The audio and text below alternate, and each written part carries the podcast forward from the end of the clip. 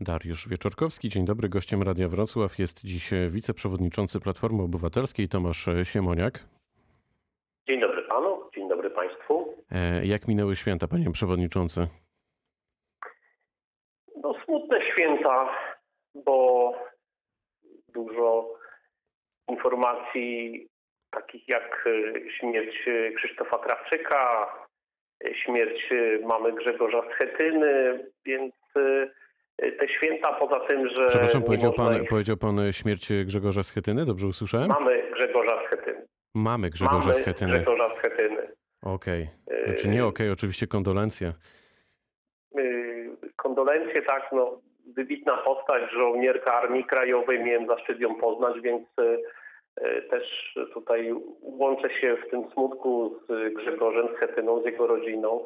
Więc to nie były wesołe święta, tak jak się mówi, wesołych świąt, y, to, to chyba nie zupełnie to pasowało y, do tych okoliczności. Mnóstwo znajomych, mnóstwo przyjaciół chorych bądź wychodzących y, z choroby.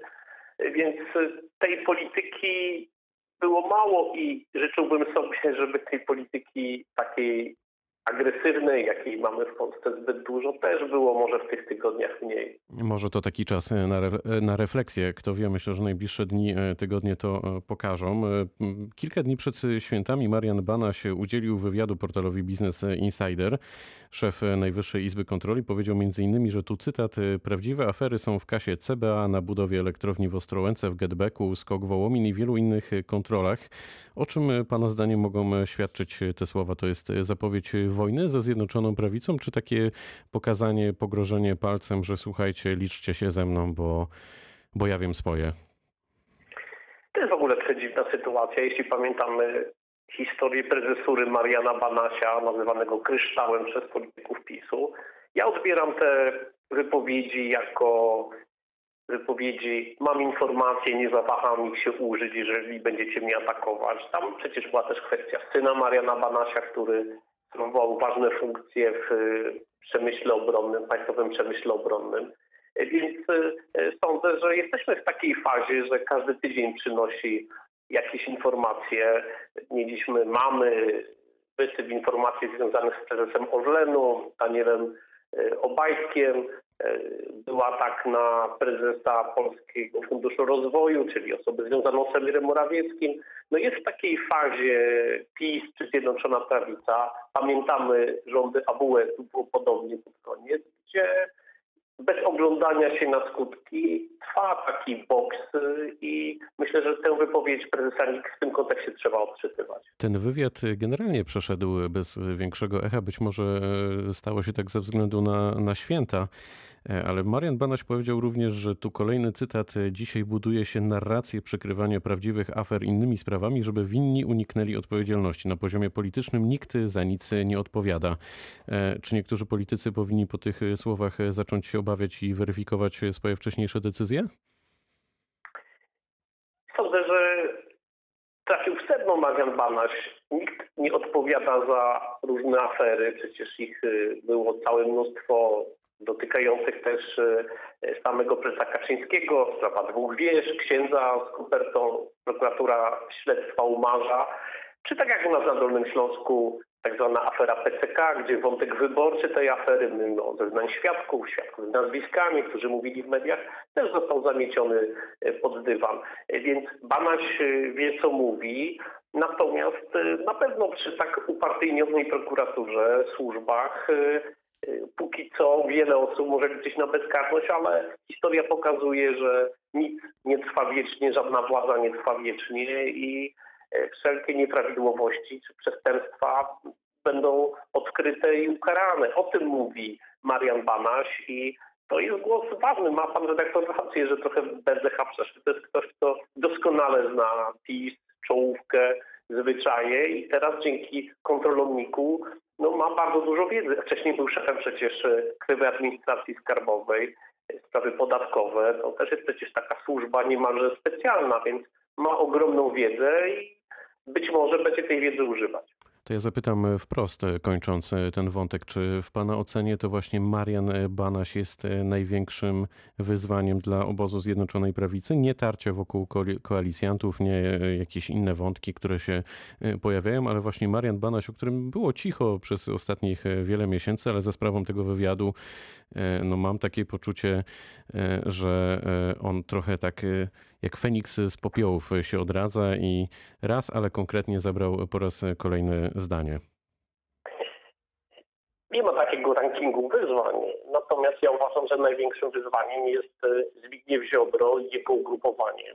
Dla PiSu, ponieważ e, ma ogromną wiedzę jako prokurator generalny o śledztwach, o różnych działaniach i jest w stanie różne sprawy, tak jak sprawę śledztwa smoleńskiego, bardzo wrażliwą politycznie, czy inne wrażliwe politycznie sprawy, dowolnie tutaj regulować. Marian Banaś y, jest y, prezesem ważnej instytucji i on raczej walczy o siebie i o swoją pozycję, czy swojej rodziny.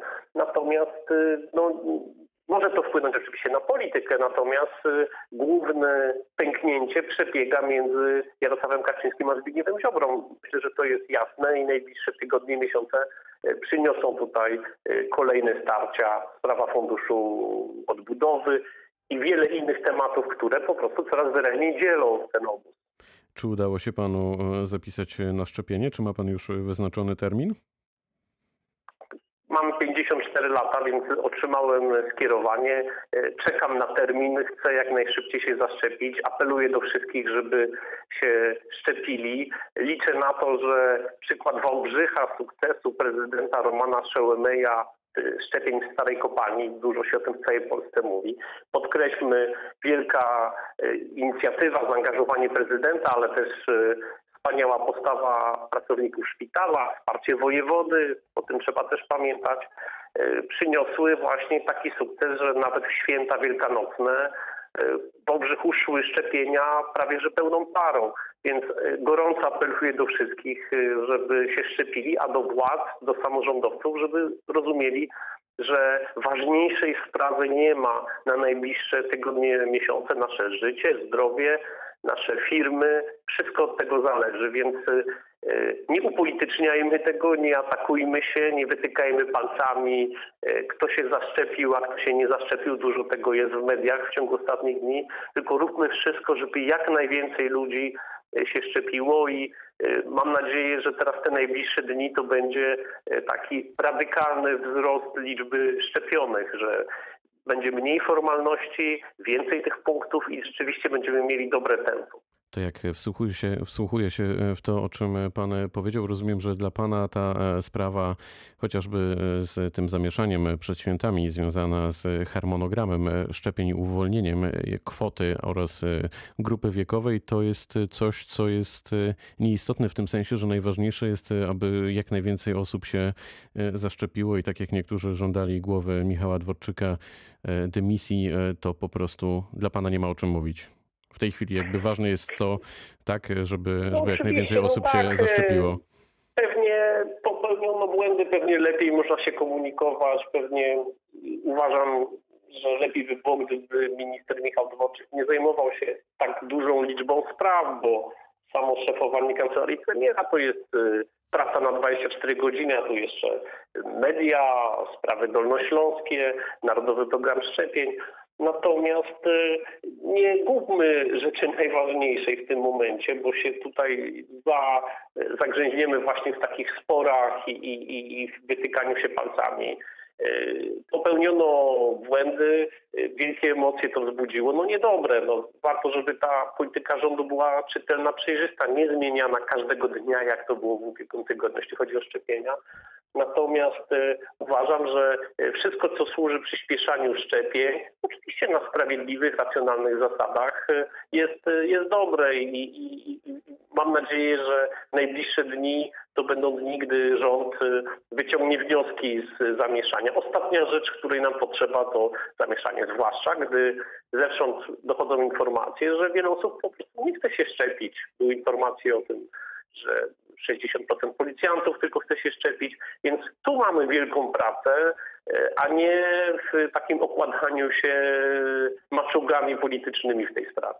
W sondażu Kantar dla tygodnika Polityka na pytanie, na który komitet wyborczy oddałby e, pan pani głos, 28% respondentów odpowiedziało, że na Prawo i Sprawiedliwość, 25% wskazało Polskę 2050 Szymona Hołowni, a 17% Koalicję Obywatelską. To jest kolejny sondaż, w którym umacnia się Szymon Hołownia. Ma pan pomysł na to, jak odzyskać zainteresowanie dawnych wyborców? Czy to jest jeszcze możliwe?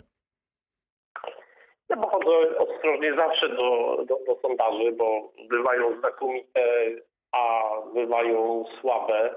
Wydaje mi się, że polska polityka w tym momencie jest tak mocno w cieniu pandemii, y, tak bardzo ludzie są skupieni na własnym zdrowiu, życiu, na tym, co się dzieje z ich bliskimi, na sytuacji w służbie zdrowia, że y, to, co widzimy w sondażach, różnych sondażach, bo raz jest tak, raz jest inaczej, y, to moim zdaniem jest mało miarodajne. Jedna rzecz jest dla mnie jasna, to znaczy, i to pan redaktor też mówiąc o tych wynikach od tego zaczął, maleje poparcie dla PiSu, maleje poparcie dla obozu rządzącego.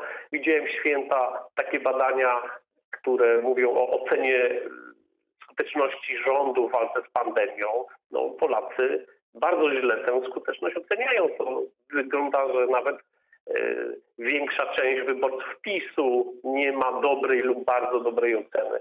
Więc sądzę, że przyjdzie taki moment y, dużego przetasowania się w polityce, sondażach i dla mnie, dla nas ważne w Platformie Koalicji Obywatelskiej jest to, żeby opozycja była górą, a Szymon Hołownia jasno deklaruje się po opozycyjnej stronie. Więc y, Zobaczymy. Y, uważam, że dzisiejsze sondaże mało pokazują tej rzeczywistości. Pierwszy prawdziwy taki sondaż to będą wybory w Rzeszowie, prezydenta Rzeszowa w maju i cieszę się bardzo, że mamy jako cała opozycja wspólnego kandydata tam w Rzeszowie. Zobaczymy, y, to tam Zjednoczona Prawica się podzieliła, bo PiS ma kandydata i partia Zbigniewa Ziobry ma swojego. Także zobaczymy, to będzie y, pierwszy realny sprawdzian sytuacji. Kilka dni temu gościem rozmowy Dnia Radia Wrocław był senator Platformy Obywatelskiej Bogdan Zdrojewski, który powiedział m.in., że Platforma Obywatelska nie jest gotowa w tej chwili do przejęcia władzy i potrzebuje y, rebrandingu. Podziela pan ten pogląd? Nie podzielam y, tego poglądu.